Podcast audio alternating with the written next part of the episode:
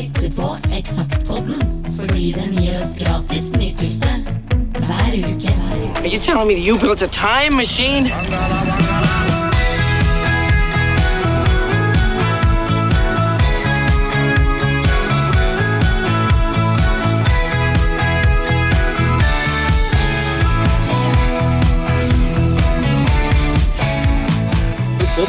Sett på den andre sida her, men jeg har aldri visst hva det var der. Eksakt som det var. Og der var vi igjen, gitt. Ja, det får du si med både brask og litt bram. Brask und Bram. Eh, november 1999. Gratis nytelse nummer 46. Ja, Har vi kommet det. til nå. Nå begynner det å nærme seg det store smellet, da. Ja. Nytt årtusen. The New Big Bang. Ja da, det er ikke alle som får eh, oppleve et nytt eh, årtusen. Det gjorde vi og flere andre. Det er jo noen generasjoner siden forrige gang, da. Ja, Eller var da. Eh, vi har da, siden det er novemberutgave, så er det selvfølgelig mye snø og brett, og dertil aktiviteter, som er innhold i denne utgaven her. Vi har selvfølgelig, som de som er inne på YouTube kan se, eh, en eh, person i svevet. En skikkelig Og den Vi hadde en diskusjon på den der, husker jeg, om vi liksom skulle dra fokuset litt mer inn, da. På den sånn Så at den fylte mer av framsida. Poenget var at da hadde vi ikke sett hvor høyt han hoppa. Så det ser eh, Ja, det ser jo kult ut for de som skjønner, skjønner seg på sånt. skjønner hva som skjer. Absolutt. Eh, på kolofonfronten så er vi jo for så vidt i samme eh, Litt i samme bås, eh, bortsett fra at vi har fått med oss Asgeir Bakken Dalby, som da er min nevø på grafisk-fronten, sammen med Kim og Anders Vollan. Eh, og ellers så er det jo stort sett de samme i redaksjonen. Uh, Eh, de to sist ankomne er jo Karin Heimdal og Christian Polshaugen, som vi jo så vidt har nevnt eh, i løpet av de siste episodene. Vi holder vel til på samme sted enda, i Trondheimsveien. Eh, Trondheimsveien 11, ganske midt i Gjøvik sentrum. Som vi da flytta til eh, ja, sommeren i 99, var det vel? Ja, jeg tror det. sånn cirka. Da fikk vi jo nye, flotte, store kontorer med god plass. Ja. Egen, eh, egen, Parkering. avdel, egen, egen parkering, ikke minst. Lager i massevis. ja. Eh, egen område, på en måte. Egen eh, redaksjon, holdt jeg på å si. Eget eh, område til grafisk produksjon. Og salgsavdelingen hadde til og med sitt eget område, der markedssjefen fikk eget kontor. ja. Og jeg fikk òg et kontor med, som jeg kunne lokka døra på. Ikke at det var så viktig, men det var greit når du gjorde intervjuer. Og så hadde vi et pauserom der som var holdt på å si innholdsrikt, så det var eh, mye bra pauser. Ja. Der både du og andre stakk innom som jo hadde andre jobber i tillegg. Og klakk ut vel, vel så mange ideer i pausene som på redaksjonsmøter.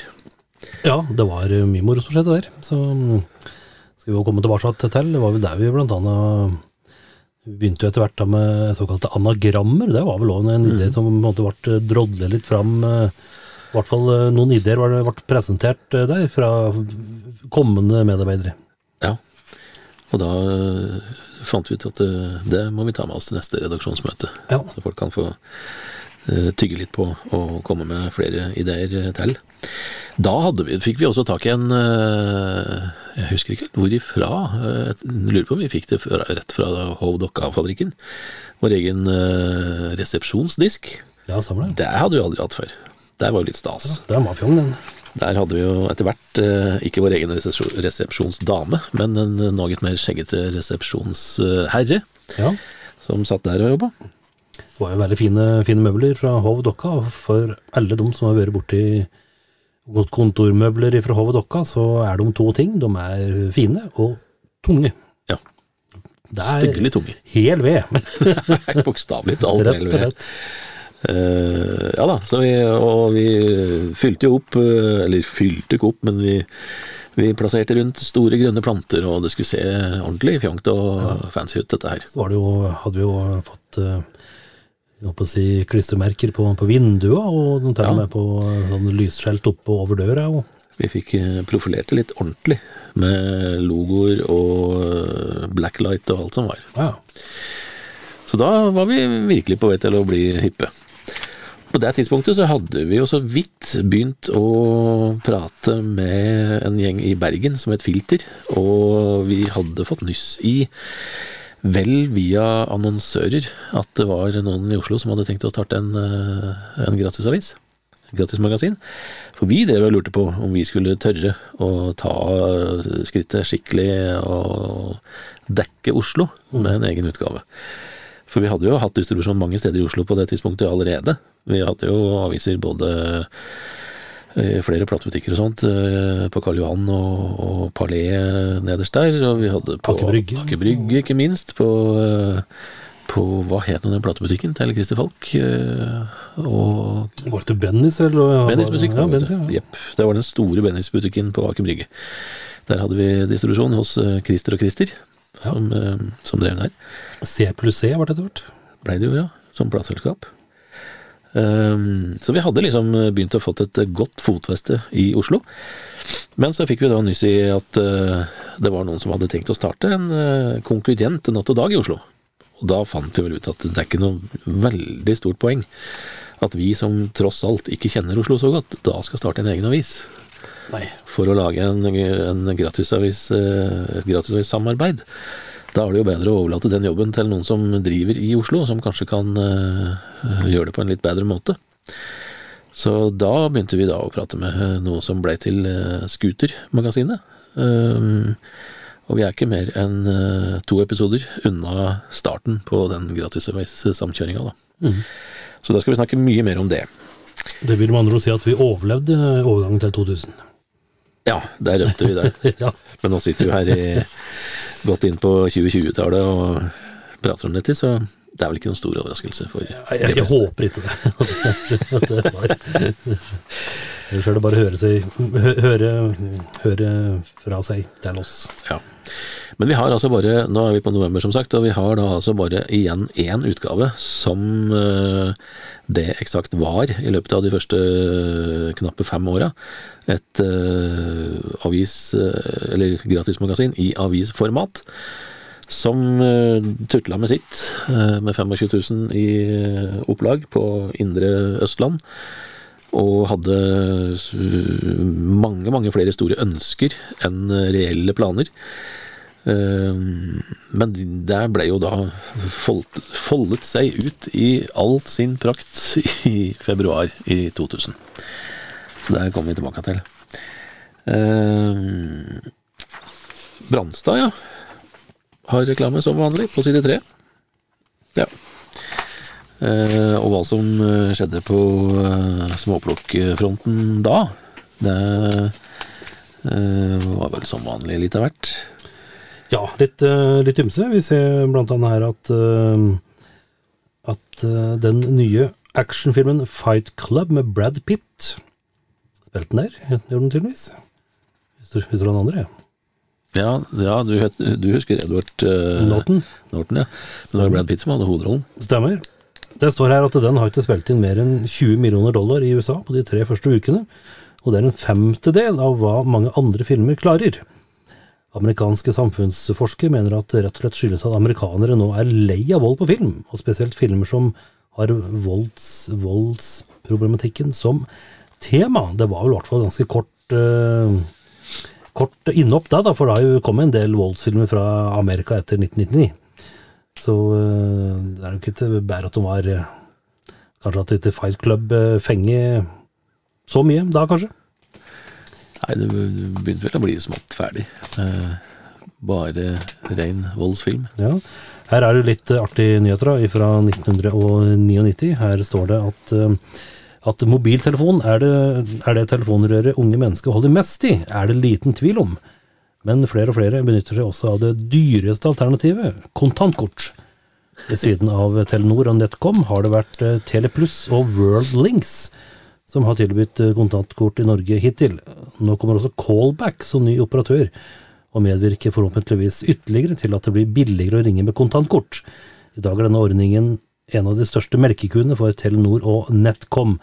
Dette var jo da mm, eh, ja, litt sånn fremmedord nå for eh, unge, unge lyttere, men eh, det var jo på en måte Hvis en da ikke ville gå med småpenger i lomma, og ikke var eh, tilgodesett med vanlig telefonabonnement, så kunne han kjøpe såkalt eh, kontantkort, pålydende x antall eh, kroner. Ja, der var det litt forskjellige sånne forhåndsbestemte summer da, som Ja. du kunne kjøpe. så ringte du for det. Og det er jo litt morsomt at vi nå, 25 år etterpå, kan sitte og snakke om teknologi som unge folk kanskje syns er litt interessant, men som da ikke fins lenger. Det er da på museum.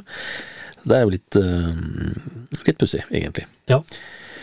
Eh, vi har eh, på Preik-sida Ja eh, ikke, ja, Vi har et dikt om høsten. Det pleier å være såpass kjedelig, så det hopper vi over. Men det er en fyr som skriver til oss Han gikk hjemover fra jobben her om dagen og følte meg helt elendig. Verden var for jævlig, alt var bare dritt. For å muntre meg sjøl så begynte jeg å synge på en sang jeg husker fra jeg var liten, Purple Rain. Plutselig kjente jeg en kriblende følelse oppover ryggraden, en slags lykkefølelse. Følelsen spredde seg videre utover i kroppen og helt opp til hodet. Jeg ble virkelig glad, og etter hvert så sang jeg full hals der ute på gata. Alt i alt en ganske fascinerende opplevelse. Sang kurerer faktisk svartsinn. Derfor alle dere triste der ute, syng mer. Ja. Det var faktisk et uh, bra, positivt innlegg. Hilsen Ja. glad. ja. Glad håper at det vedkommende fortsatt er, er det. Det er jo mye bedre å, gå på gata og synge en sang enn å gå på gata og, og prate i telefon med andre, så folk tror du er halvgæren. Syns jeg, da. Ja. Syng heller. Mye bedre.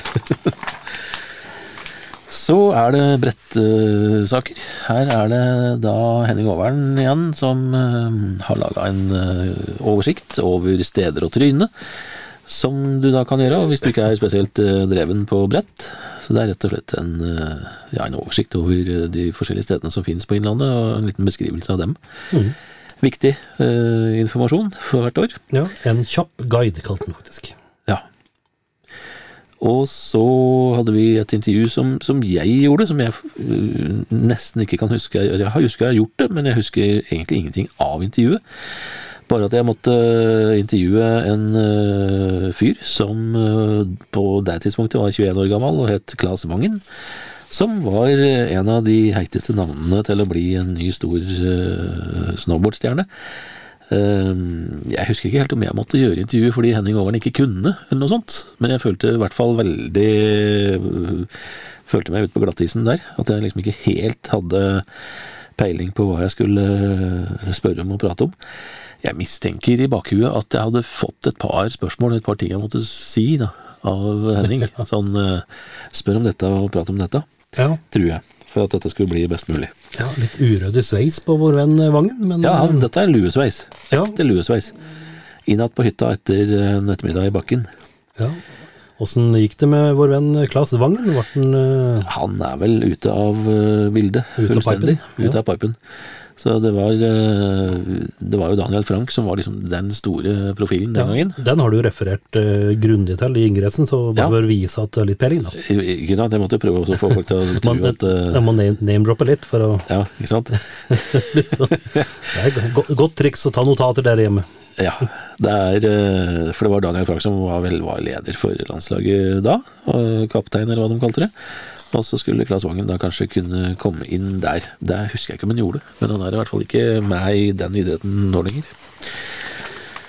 Eh, mer brett og klær og ting og tang. Eh, her er det vel igjen Er det Henning Overen som har skrevet om klær? Vil jeg tro. Det er eh, Ja, stemmer. Ja. Det er det. om litt sånn ny teknologi i klær og sånn. Og så har eh, en eh, som heter Rune Hofstad skrevet en sak om eh, nye bindinger og brett og sånn. Som selvfølgelig var nødvendig å ha med. Og han var nok en veldig teknisk kar, for han har virkelig skrevet og ramsa opp og ja, presentert det som er, eller det som gjaldt da, da angående bindinger og tekniske ting. Og, så har vi en litt, kryptisk egenannonse, tror jeg det er. Der er det bare bilde av to øyer, og så står det 'der'. Ja. Litt usikker på hva vi egentlig tenkte der. ja, for det er egenannonse? Eh, Ja, det må det jo være. Ja. Eller har vi gjort, eller har vi gjort noe rart? Har vi, ja, hvis det ikke er eh, to be continued utover blekka, da. Vi kan jo det kan hende. følge med om det fins flere øyer. Her er vi på en type altså vi, vi sanka jo annonsører rundt omkring på hele Innlandet, selvfølgelig, som først og fremst skulle være litt linka til eh, leserne våre. altså det vil si da sånn som Brannstad McDonald's og Sats treningssenter og sånne type ting. Men det hendte jo at vi fikk henvendelser òg, og her eh, er det en Jeg er ikke helt sikker på altså Det, det står Nordlys lysstøperi. Ikke vet jeg hvor det er eller var. Eh, Jeg husker i hvert fall vi fikk en henvendelse om en annonse som lagde kule lys som skulle se ut som store skruebolter og bål og alt mulig rart. Det, ja, Ja. Skulle kanskje være en konkurrent da, til eh, Løiten det var vel det som var tanken. Disse støperi. ja, mer intervju. Uh, Berit Nesheim. eh, det var jo dama som var regissør for Søndagsengler, som vi snakka om i flere av de første episodene som vi Ja, hadde. det var vel nesten den første. Ja. ja, det var kanskje? Jeg tror det. Og vi hadde intervju med sjølveste Maria Marie Theisen. Theisen. Stemmer. Uh, så i det kapitlet liksom der vi skulle plukke ut, uh, eller finne fram til flere type, eller flere folk som drev med ting, så eh, og vi tenkte da fra Innlandet, og forholdsvis ung, så fant vi en regissør i 50-åra fra Oslo. Ja. Eh, Men Berit Nesheim var jo en kjendis, liksom, eh, allerede da. Også for filmgjengere, ikke bare for spesielt interesserte. Så det, derfor så sa vi ja til det, da. Eller gjorde det. Veldig koselig dame som prata voldsomt mye om film. Og jeg husker at dette er en av de første intervjuene som jeg virkelig måtte koke ned, og satt med i flere dager for å finne ut av hvordan jeg skulle prøve å få med mest mulig av det jeg hadde sagt. Sånn er det jo ofte. At du begynner å skrive, og så ser du at det intervjuet her kommer til å bli seks sider. Det går jo dårlig, ja. så da må man begynne å kutte. Og det ble nesten et ja, under ei halvside. Ja, med tett tekst. Ja. Og nå i dag, i en dagsavis, så vil jo dette bli sett på som et veldig langt intervju. Egentlig. Wow. Uh, ja, og så er vi da på på det som uh, vi så vidt nevnte i forrige episode. At vi uh, med vår nye serie, artikkelserie, Månens befaling, ville prøve å finne fram til forskjellige kjendiser for å gi oss en sak, et tema, å skrive om. Sånn at vi kunne sette en eh, skribent på det. Og da spurte vi Morten Abel. Ja, jeg vet ikke om eh, om han har satt opp disse punktene om seg sjøl sjøl, Det har han vel ikke. men her står det i hvert fall eh, navn Morten Abel. Alder 36 var han da, i 1999. Stilling eventyrer. Sivilstatus ugift. Bakgrunn trenger ingen nærmere beskrivelse. han kunne kanskje satt det for sjøl. Ja, jeg, ja, jeg tror ikke han ville skrive det da, men uh, eventyrer er jo morsomt. Ja. Men i hvert fall uh, Morten Abels eh, befaling er jo enkel og grei. Dette her er helt basic reportasje. Venus. Hva må til for å gjøre planeten beboelig for mennesker og dyr? Hvordan kan det gjøres? Det er mulig. Hvor lang tid vil det ta? Og eh, hvorfor? Vi passerte seks milliarder mennesker, og få tenker på naturressursene. Så det var litt av nøtt for Christian Polshaugen, som skulle skrive dette her, da. Ja, og det husker jeg veldig godt når jeg presenterte eh, både Christian og flere for den befalinga, så var det litt sånn Hæ? Det er store spørsmål. altså Her er mannen som skrev Tore Tang, Ja, eh, og så kommer han med at skal han eh, prøve å lage en forskningsreportasje på hva skal til for å bo på Venus. ja. Men det var jo en veldig artig, artig befaling. Altså, det var jo en Hvem hadde tenkt på det, liksom? Så vi eh, Og det var jo da til slutt, som du sa, Christian Polshaugen som sa ja til å skrive om det. Og han dukka veldig ned i både bibliotekartikler og litt på internett eh, og litt eh, ellers, og, og fant jo ut en god del eh, ting.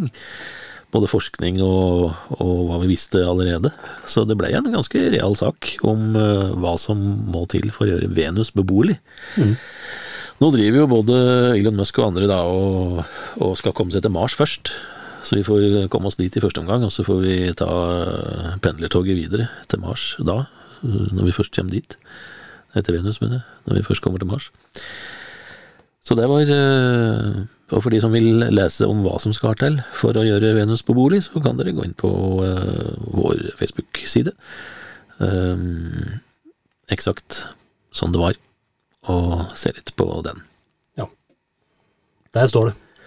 Der står både illustrasjoner og det Christian fant ut om Venus. Ehm, Da er det litt ja, norsk lyd. Ja. Det var ikke voldsomt mye norske plater egentlig til å være høsten her. Nei. Det er jo, men eh, til gjengjeld så er det jo mye kjentfolk som har eh, gitt ut eh, plater. Jan Eggum kom med Deilig-plata si, som jeg ga en treer. Ja. Og så Black Dabbat, da. Kom jo da med klassikeren Tung, tung politisk rock. Ga jeg en eh, firer. Eh, trang fødsel med damp. Ga du en eh, firer? ja. Trangfødsel har alltid vært eh, blant de artigste av disse her eh, ganske like norske rockebanda, fordi at de hadde med seg eh, Jørund Fluge Samuelsen, som jo er en jazzmusiker, og lagde mer nesten litt sånn jazzete popmusikk til tider. Ja. Og så er det jo en som vi har pratet litt på, da, som jo er eh, superkjent, men som ingen har hørt om. Finn Koren kom med Ja. Low Cloud-skiva, som du jo ga en eh, femmer. Mm. Og Tapt uskyld, Bjørn Eidsvåg, ga du en firer.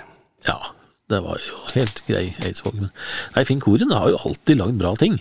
Men uh, såpass spesielle ting at det er vanskelig å liksom få det ut uh, hos den store delen av befolkningen. Uh, Rex Rudi, hva var det for noe? Ja, et eller annet norsk som jeg ga en firer, ser jeg. Eh, og så var det Fem på topp-lista som jeg hadde da i eh, november i 99. Der var det en salig blanding. Keith Jarrett med The Melody at Night With You, solo- solopiano på førsteplassen. David Bowie sin Hours-skive på andreplass. Bjørn Eidsvåg Tapt uskyld på tredjeplass. Og Marillion, Marillion.com-plata på fjerdeplassen. Og Paula Cole Band husker jeg ikke noe av. Amen på femteplass. Det er huset sitt til noen ting til. Eh, På filmfronten så kom jo The World Is Not Enough-filmen, da, med Pierce Brosnan som, eh, som eh, 007. Hvem hadde James Bond-låta, da? Eh, Jeg ble plutselig usikker, men eh, jeg tror det var Sherry Crow. ja, var det ikke det? Det kan høres riktig ut. Uh, og så kom eh, tu, Random Hearts med Harrison Ford og Christian Scott Thomas. Spennende film som eh, har forsvunnet i glemselen. Eh, og så kom eh, Tarzan-filmen da til Disney. Den kom jo i november 99. Ja, det var morsom. Den er absolutt morsom. Og allerede nevnte Fight Club med Brad Pitt og Helena Bonham Carter og Edward Norton og Jared Leto kom da.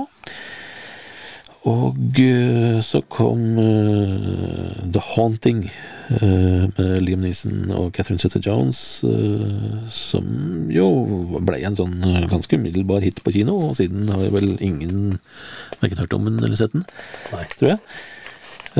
Og så kom det en film fra David Cronenberg, den belgiske regissøren som, som eh, alltid lager spesielle ting med Jennifer Jason Leigh, Jude Law og Willem Defoe, som het Existence. eh, som er en sånn psykologisk drama. Kom da. Vi ser jo her at uh, Hysj-Hysj har Ja. annonse. Lag, lagersjefen rydder opp. Er dette en tidlig utgave av den derre Salgssjefen er på ferie og har blitt klin gæren. Nå Ja. rydder vi. Altså, er det en tidlig utgave til den? Det vil jeg tro. Er, altså, de har faktisk telt, tror jeg, her, for det er 97 122 CD-er som skal ut. Ja, Det må jo være i alle hysjerbutikkene i så fall. jeg håper det. Så var det trangt på lageret på Gjøvik. Eh, Ja, jeg har jo solgt lite CD i hvert fall. Eller eh, dette er faktisk for eh, Strandgata på Strandtorget på, Ja. på Lillehammer. Strandtorget og gågata på Lillehammer. Da var det nok eh, Da spørs om han finner igjen et lager som han ikke husker han hadde. ja, priser fra 1950 per CD. Og det er 90% rabatt. Oi, Ja, da snakker vi salg. det er bra. Så er det jo litt uh, Peppes pizzareklame og Herrekompaniet, som jo var en uh, nesten legendarisk butikk på Strandtorget på Lillehammer, med dress og garments for young uh, gentlemen. Ja. Så er vi på eh, på eh, hva skjer. Vi kan se her at Og her er det en luring, vet du. 4. november på Eller i Maihaugshallen på Lillehammer.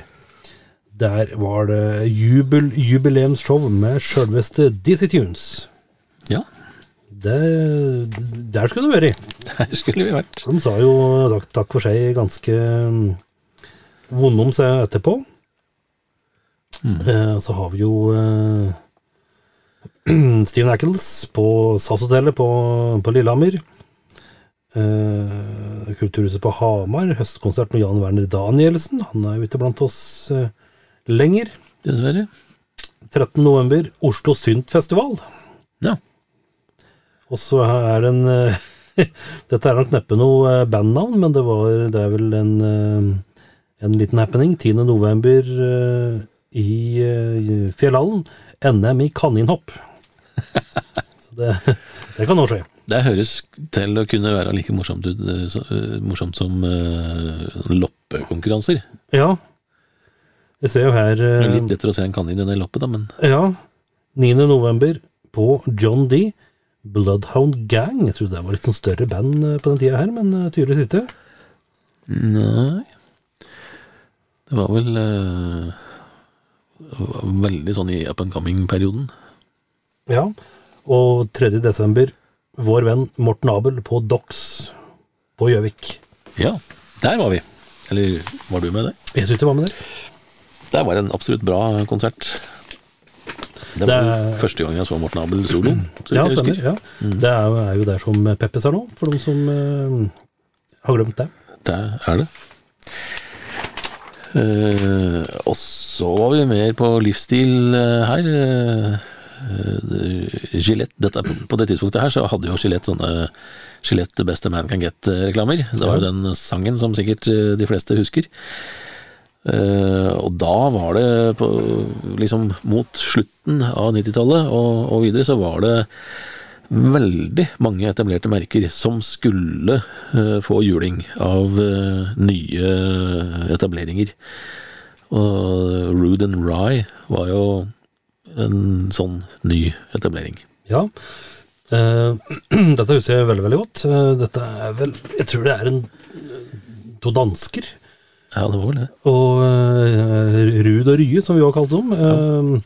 de, de, de kjørte veldig på Det ble jo litt sånn blaff, dessverre, da, på, på, den måten. For, for de satser veldig på litt sånn designhøvler. Det var på en måte litt sånn Bang Olufsens eh, eh, opplegg, holdt jeg på å si. Litt, eh, litt smådyrt, og de skulle liksom ta, ta opp kampen mot trauste amerikanske skjelett. Mm.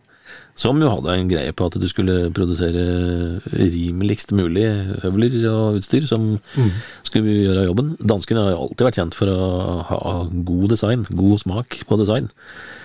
Så det måtte selvfølgelig komme med noe som var eh, som så litt tøft ut. Litt ordentlig, litt skikkelig.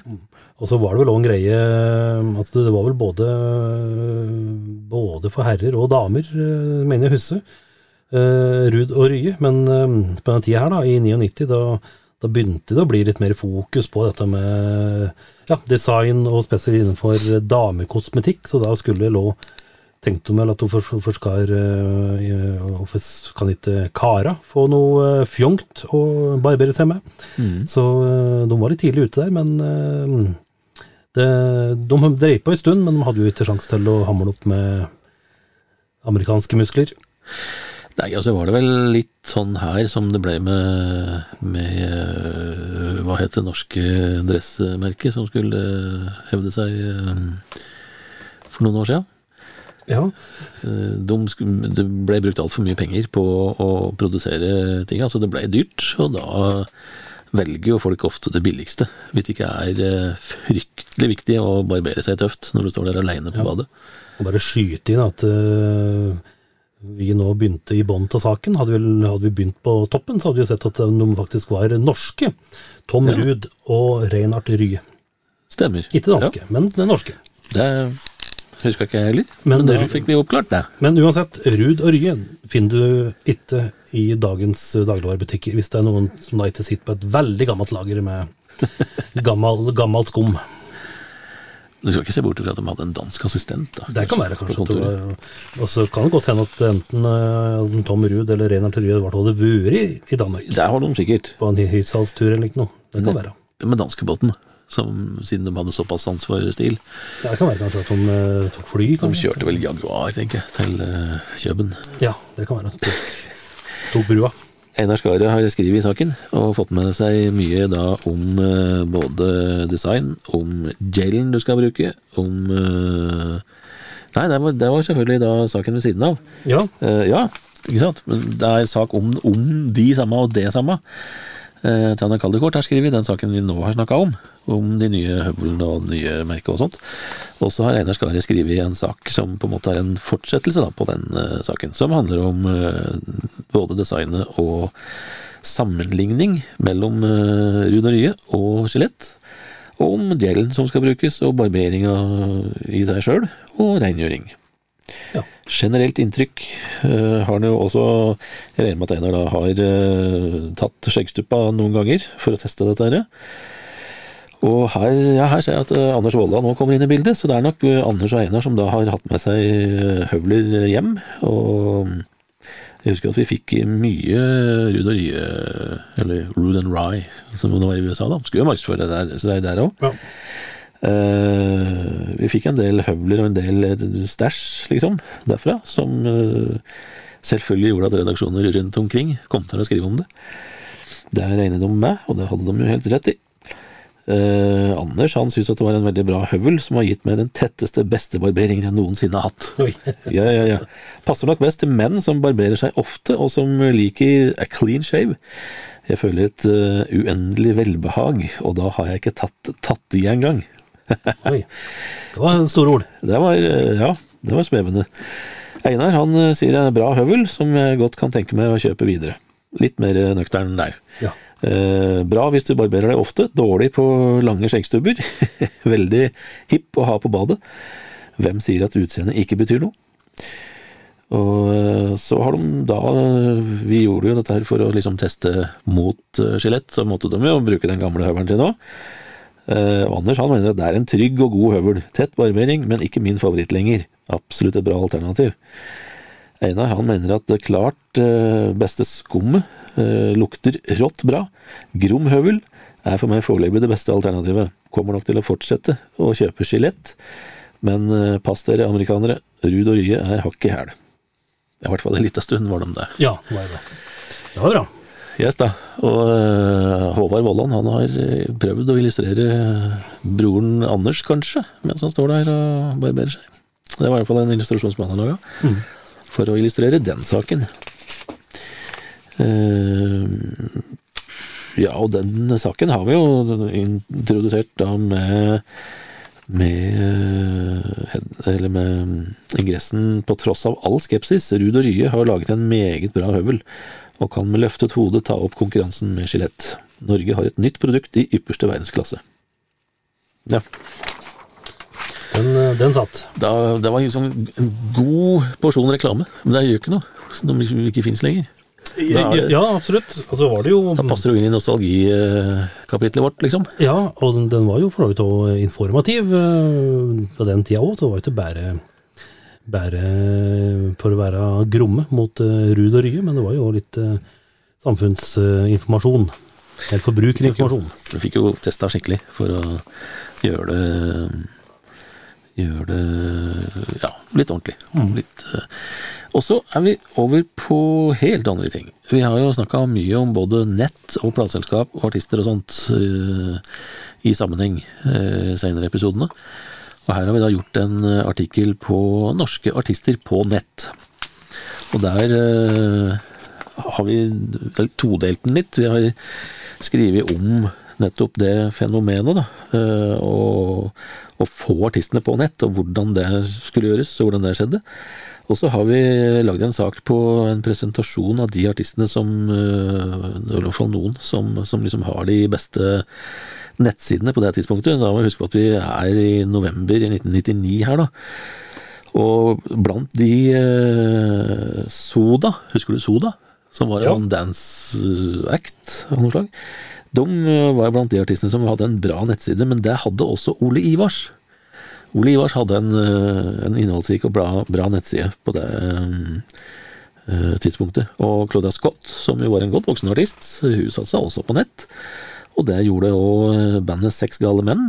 Ikke Seks gale menn, men Seks gale menn. Eh, og Hellbillies. Eh, og artisten Frost. Eh, og eh, Kloroform, som jo fremdeles holder på, men som alltid har vært et litt sånn undergrunnsband. Eh, og Dimmy Borger hadde òg en bra nettside på, på det tidspunktet. Og Raga Rockers Ja, hadde også det. det er jo litt artig her da med eh, en sak her eh, hvor Leif Kringen har eh, pratet, pra, pratet med platebransjen eh, om dette her. Og eh, her skriver det, står det blant annet i starten at et søk med søkemotoren Kvasir for noen som husker den. Vi husker så vidt navnet, men vi husker ikke noe av funksjonalitet, eller hva som egentlig var der. Ja, Eller, eller hvordan det funka. Eh, I hvert fall så eh, viser Kvasir at det finnes et stort antall hjemmesider tilhørende norske band og artister på nettet. Som oftest er disse enten lagt opp av bandet sjøl, fansen, plateselskapet eller managementet. Og så videre og så videre og så videre. Eh, Men her står det i hvert fall eh, Hva bør egentlig en god hjemmeside inneholde? Vi lar Bjørn Melby i Avacom få svare først. Og Avacom har laget websider for et tyvetall artister, annet Sigurd Garden, Claudia Scott og Velvet Belly. Og her eh, Og han er jo eh, på ballen, eh, den godeste Bjørn Melby. Han eh, sier jo at eh, en hjemmeside skal være et supplement til informasjon i CD-coveret. Det bør også ligge materiell for pressen der, samt bilder. Kanskje bør man også ha andre ting der som man ikke finner ellers, liksom bonusspor og lignende. Det er også noen andre kriterier. Sida skal være lett å navigere på. Den skal ikke være for tung, slik at det blir lang ventetid. I tillegg bør hjemmesiden ha en look and feel som passer til artisten.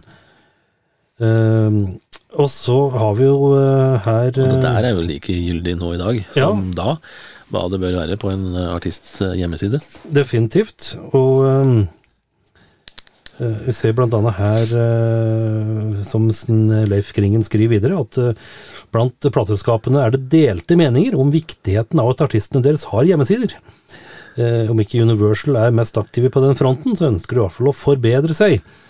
Og eh, Og apropos det, vi har jo snakka om flere ganger at plateselskapene har vært trege både med eh, her hjemme og, og ute, og Universal var jo en av de selskapene som var mest redd for å tape penger, og hvordan musikken liksom skulle bli eh, gratis og spredd på feil måte og sånn.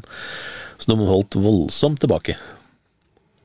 Ja, absolutt. Så, ehm, så eh, her var det i hvert fall litt på da, at de måtte begynne å få, få eh, norske artister ut. eh, Og som du nevnte på, Dillerius og Unni Wil- er blant de norske artistene som snart får hjemmesidene oppdatert. Uh, Og Une Wilhelmsen har stort sett lagd eh, sida si sjøl, og bruker den eh, helt siden da og fremdeles til å kommunisere ganske direkte med fansen. ja, Så hun er blant de som virkelig bruker alle slags nettplattformer fremdeles. Mye. Og så er det jo da um, Så er det jo da han godeste Bjørn Melby fra Avacom. Han sier jo da Får spørsmål om hvilken rolle spiller en hjemmeside i markedsføringen av en artist. Og da sier jo han at eh, det blir nok stadig mer viktig, nærmest et must. Journalister, journalister eksempel er også late. Og det er klart det tiltaler dem å kunne gå til dekket bord framfor å måtte drive vanlig research, sier Melby. Så jeg har avslørt oss, rett og slett. Rett og slett. Og eh, Remo Reder, han husker vi. Han var jo han som Han var en god kompis. Eller er. han jeg fant opp Kaizers Orkestra. Ja. Eh, og han sier at eh, sidene fyller en funksjon overfor media. På disse sidene kan journalister hente pressebilder og annen informasjon. De har også en funksjon i forhold til andre plateselskaper og lisenstagere i andre land. Disse kan f.eks. lytte til lydfiler. Og så um... Men det er vel det som ikke har skjedd, da. Eh, Som han nevner det med lydfiler, som du nevnte i stad òg, at det kunne være bonusspor og ting som ikke har havna på skiva og sånn. Det er jo noe som ikke har skjedd eh, på artisters eh, nettsider. Det har liksom aldri vært, eller blitt, en del av eh, den her eh, menygardina på toppen. Det er stort sett Ja, det er låter og sånn, men det er jo da låteksempler i forbindelse med singel- og albumutgivelser. Og så er det turnélister som regel, og en biografi og diskografi, og så er det litt kontakt, da. Både management og, og annen type kontakt. eh, Andre type sosiale medier og sånne ting. Det er stort sett det som fyller nettsidene nå i dag. Og øh, øh, den som da, øh, i hvert fall mulig er det nå, det vet ikke jeg, som var norsksjef i Universal, Erik Ness, han kommenterer Rema Reders utspill, og, og, og han mener at det er ikke sikkert at det er noe å vinne på å markedsføre en artist på nettet på denne måten. Ofte er ikke det hensikten heller, men internett er blitt en naturlig del av informasjonsstrømmen i samfunnet. Man er rett og slett nødt til å være med. Dermed blir hjemmesiden en brikke sammen med flere andre i markedsføringen av en artist. Så, så det er litt sånn eh, Så siderumpa kan altså verdens største plateselskap eh, være. ja, ja, ja vi, vi, eh, vi, vi får det være med, da. Ja, han har vel møtt seg sjøl i døra ganske mange ganger der, tror jeg, etterpå. Og uh, innsett at uh, yo, artister må nok på sosiale medier og henge med litt på internett. Ja. Skal de klare å få spredd uh, tinga sine. Men uh, det var jo morsomt. Altså, vi var jo veldig tidlig ute med alt som var, stort sett, vi, eh, på 90-tallet. Og inn på 2000. eh, Så det var morsomt å se tilbake på dette her nå. Både med de folka vi har prata med, og, og ja, hva vi så på og fant ut, på en måte. I forhold til hvordan det ble etter hvert. Og det, det var jo Vi tok jo stort sett eh, ting lenge før både Dagbladet og VG kom med lignende type saker ofte. Og vi merka jo så fort vi begynte i Oslo, i hvert fall, at eh, ikke bare regionavisene på Innlandet eh, leste tett på hva vi drev med, men det gjorde Dagbladet og VG òg etter hvert. Og begynte å lage saker eh, litt sånn basert på eh, det vi allerede hadde gjort, da, noen, noen måneder før. Tilfeldigvis, etter at vi hadde skrevet om det, da dukket det opp der. Dukka det opp her og der om ting og tang. Så de trengte jo tips, de òg. Så det var jo koselig å kunne gi dem noe ja, fôr på, på eh, redaksjonsmøtet. bare hyggelig. Eh, Ja, eh, når vi først er i gang med lyd, da, så kan vi jo fortsette med litt utenlandsk lyd her. Ja, jeg ser du har gitt en ener til Eternal. Ja, har jeg det? Hva var Eternal? Det var pikeorkester. Ja, stemmer. Ikke begeistra for det. Nei. Jeg, jeg husker ikke hva det var engang. jeg. Eh, hvem og hva og hvor mange, eller noen ting. Ja, de var vel litt sånn eh, Litt sånn derre da, Dame Det heter ikke boyband da, men eh, Nei, girlband. det var Det var ikke noe som sånn het det. eh, Destiny Child og den eh, Ikke greien sant. Men her har du da kameraten din, da. Paul og Cole Band. En femmer. Ja. Det ringer ingen bjeller. Nei. Burde det? ja, det var det, da. Men jeg ser jeg ga Det var en femmer, da. Så, Ja, ikke sant? Men nei, Paul, jeg har ikke hørt noe på deg noe særlig etterpå, det må jeg bare innrømme. Nei. Men uh, Det kom ei bra skive med Paul McCartney som heter Run Devil Run. ja, det var Eh, og eh, det er jo da ei plate som eh, inneholder noen gamle 50-tallsfavoritter som Paul McCartney har, og så er det noen egne låter som han skrev i liksom 50-tallsstil. Og den her skulle da eh, håper å si eh, kulminere i en direktesendt konsert på internett. Nyttårsaften var det vel. Ja. Eh, fra cavern. Og øh, dette er jo en Det ble jo selvfølgelig en legendarisk konsert med ja, Ian Pace på trommer fra Deep Purple, David Gilmore på gitar fra Pink Floyd blant annet. Ja. Og den ble jo selvfølgelig gitt ut på DVD. Og ligger i sin helhet på YouTube, faktisk. Det, det gjør den. Og, øh, og så er det jo et øh, kostelig bonusspor øh, på DVD-en som òg ligger på, på YouTube. intervju med Paul McCartney, og der sier han der at det her var jo altså, Vi pratet på hjemmesider og plateselskaper i stad. altså Internett var jo fortsatt litt nytt. Ja. Og at en da skulle ha en direktesendt konsert, World Wide Web, det var jo dristig, og teknikken var ikke så rå. Og han var jo litt engstelig for åssen dette kom til å gå. og og han hadde jo gått ut i media og, og sagt at dette her er en uh, konsert. Jeg skal spille 50-tallsfavoritter, jeg skal spille noen eh, nye låter i den stilen. Men det blir ingen Beatles-låter, det blir ingen Wings-låter, det blir ikke noe so- solotinga mine, det blir ikke noe til det. Eh, Det, det blir 50-tallskveld. Så han var jo livredd for at noen skulle begynne å bølle med dette der. Og så var det selvfølgelig, da, midt i konserten, så er det jo en som begynner å rope på 'Satisfaction' og andre låter, og han blir jo etter hvert ganske irritert på McCartney, da. Og tenker at selvfølgelig, her er det direkte på internett, eh, først i verden, og så er det selvfølgelig en balling i, i, i salen som gjør akkurat det som en da har bedt folk ikke gjøre. Og så viser det at det er bror hans som står der og roper. Da er du grei, altså. Så, Da gir du brutter'n en liten utfordring. ja, det er veldig, veldig bra. Men eh, fantastisk konsert fra Cavern. Og det som var litt moro, da, det er jo at, eh, at eh, Paul McCartney han hadde sagt ifra på Cavern at han skulle ikke ha noe spesialoppfartning. Han skulle spille på det anlegget som står der, og den som var på jobb, den var på jobb. Ja. Så han skulle ikke ha noe ekstra greier. Og så er det vel sånn at på Cavern der så er det jo musikk hver dag. Og veldig ofte så er det folk blant annet fra Lipa, på det Paul McCartney-skolen som heter det, som eh, har kveldsvakt som tekniker. Ja. Og det var det den kvelden, og han øh, ble kanskje litt klam på ryggen når han fikk beskjed om hvem som skulle kjøre lyd for den kvelden. Så du må passe på bassen til McCartney og gitaren til, det, til. David i dag. Du, eh, ja, da, så, skru på det. Ja da, så, og, men, men det, gikk, det gikk bra, det. Konsert varte.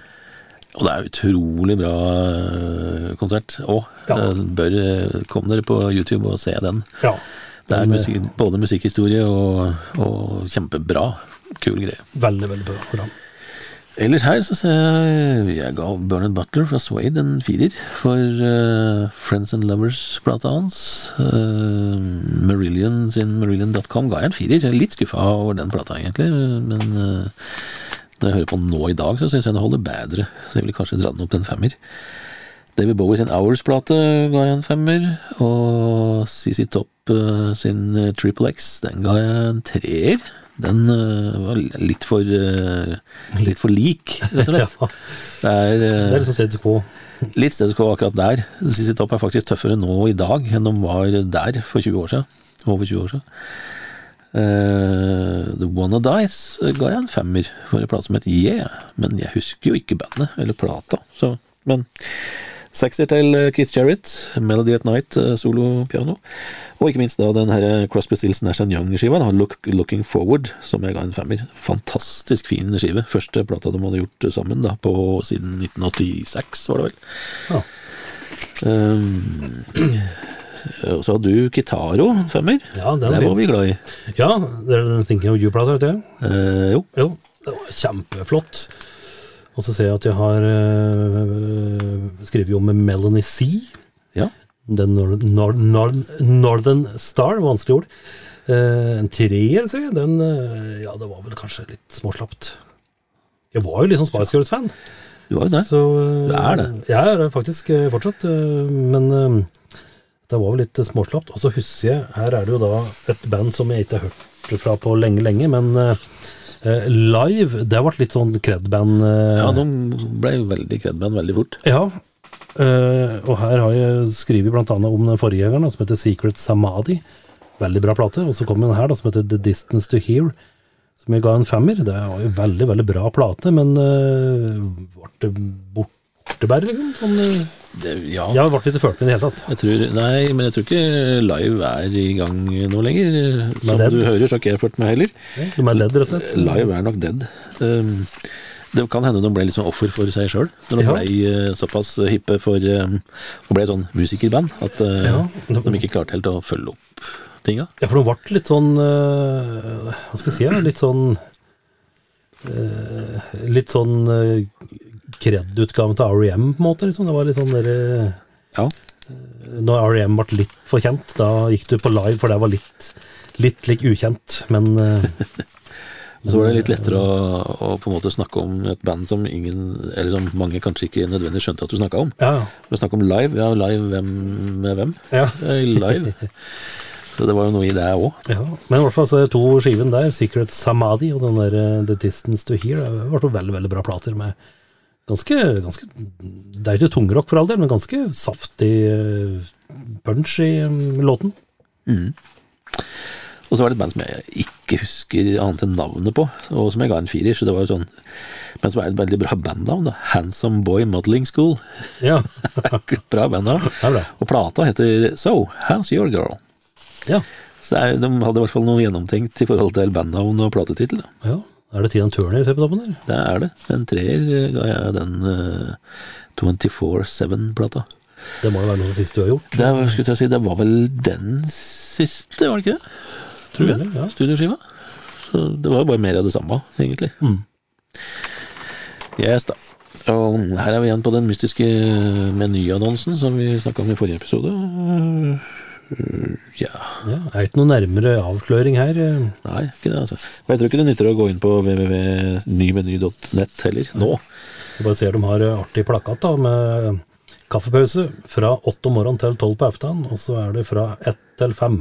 Ja. Så da har du rett og slett hele dagen med pause. Og han eh, karen på bildet, han har jo da en T-skjorte som det står eh, Sex Instructor på. Eh, first lesson free. Eh, Og teksten er liksom Se for deg matpakka til han karen her sånn. Vedde på at den ikke akkurat bugner av frukt. Det er, kan man hende meg rett i det. Han ser ut som ser ganske slim ut, egentlig. Han, eh, Han gjør jo det, men uh, han ser jo ikke ut som en fruktspisende, sunn herre. det gjør han ikke. Ikke med den T-skjorta, i hvert fall. Da har vi på tung, tunge saker. Ja. Tunge ting. Vi kan jo kikke litt fort eh, på, eh, på, det. Eh, Jimmy Jamesons Survivor. Dette var jo en sånn greie da, med at Jimmy Jameson, det er han som synger Synger jo da, er vokalisten da, i Survivor, som jo da hadde jo da stor hit med tema fra Baywatch, blant annet. Og så er det jo her, da, Overkill. Det er jo et vanvittig artig, artig band, da, med med Neverending uh, Guys. De driver på gode, gamle Overkill. Her har de gitt ut ei coverplate som selvfølgelig heter Coverkill. Og så eh, er det jo her eh, sånn, eh, har gitt en femmer til ei Yngvild Malmsten-plate som heter Alchemy, som jo da sikkert var ganske ålreit. Uh, Union, liveskive, det er jo da med Bruce Gullick fra Kiss og John Carabi fra Motley Crue, da.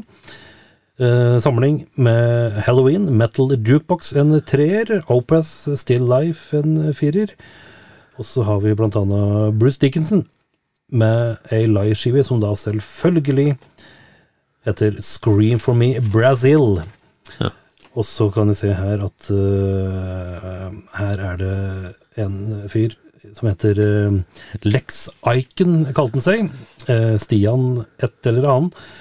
Han var da vokalist og frontfigur i eh, The Covenant. Han var jo innom Dimmy Borger, blant annet, men Uh, fikk jo da annet Spellemannspris for Nexus Polaris-plata. Fiffig artistnavn. Leksikon.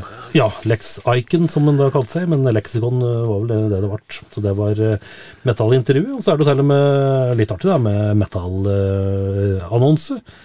Med mm, tyske tysk, Nei, unnskyld, finske Stratovarius i hoved, hovedbildet, og det er eh, metal med Virgin Steel, Iron Saver, Lifay, Pissing Razors og Gamma Ray, blant annet.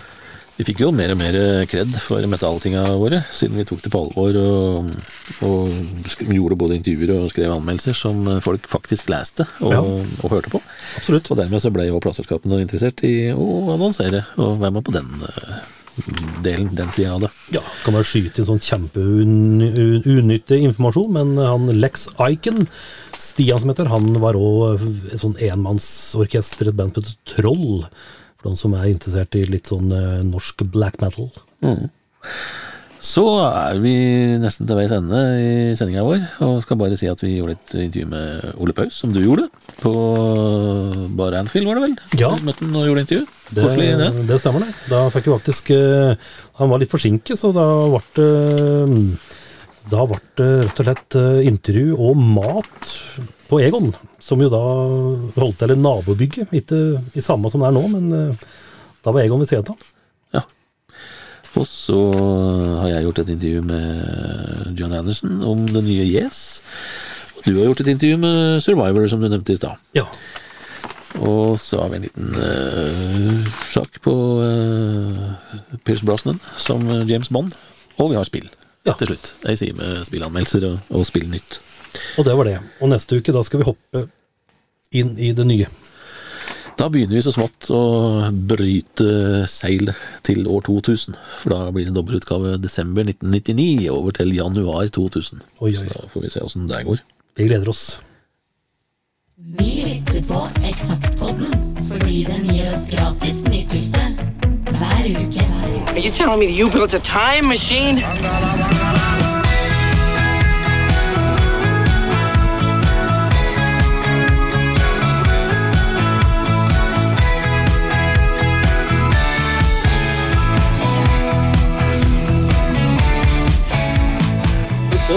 Sett på den andre sida her, men jeg har aldri visst hva det var der. Eksakt som det var.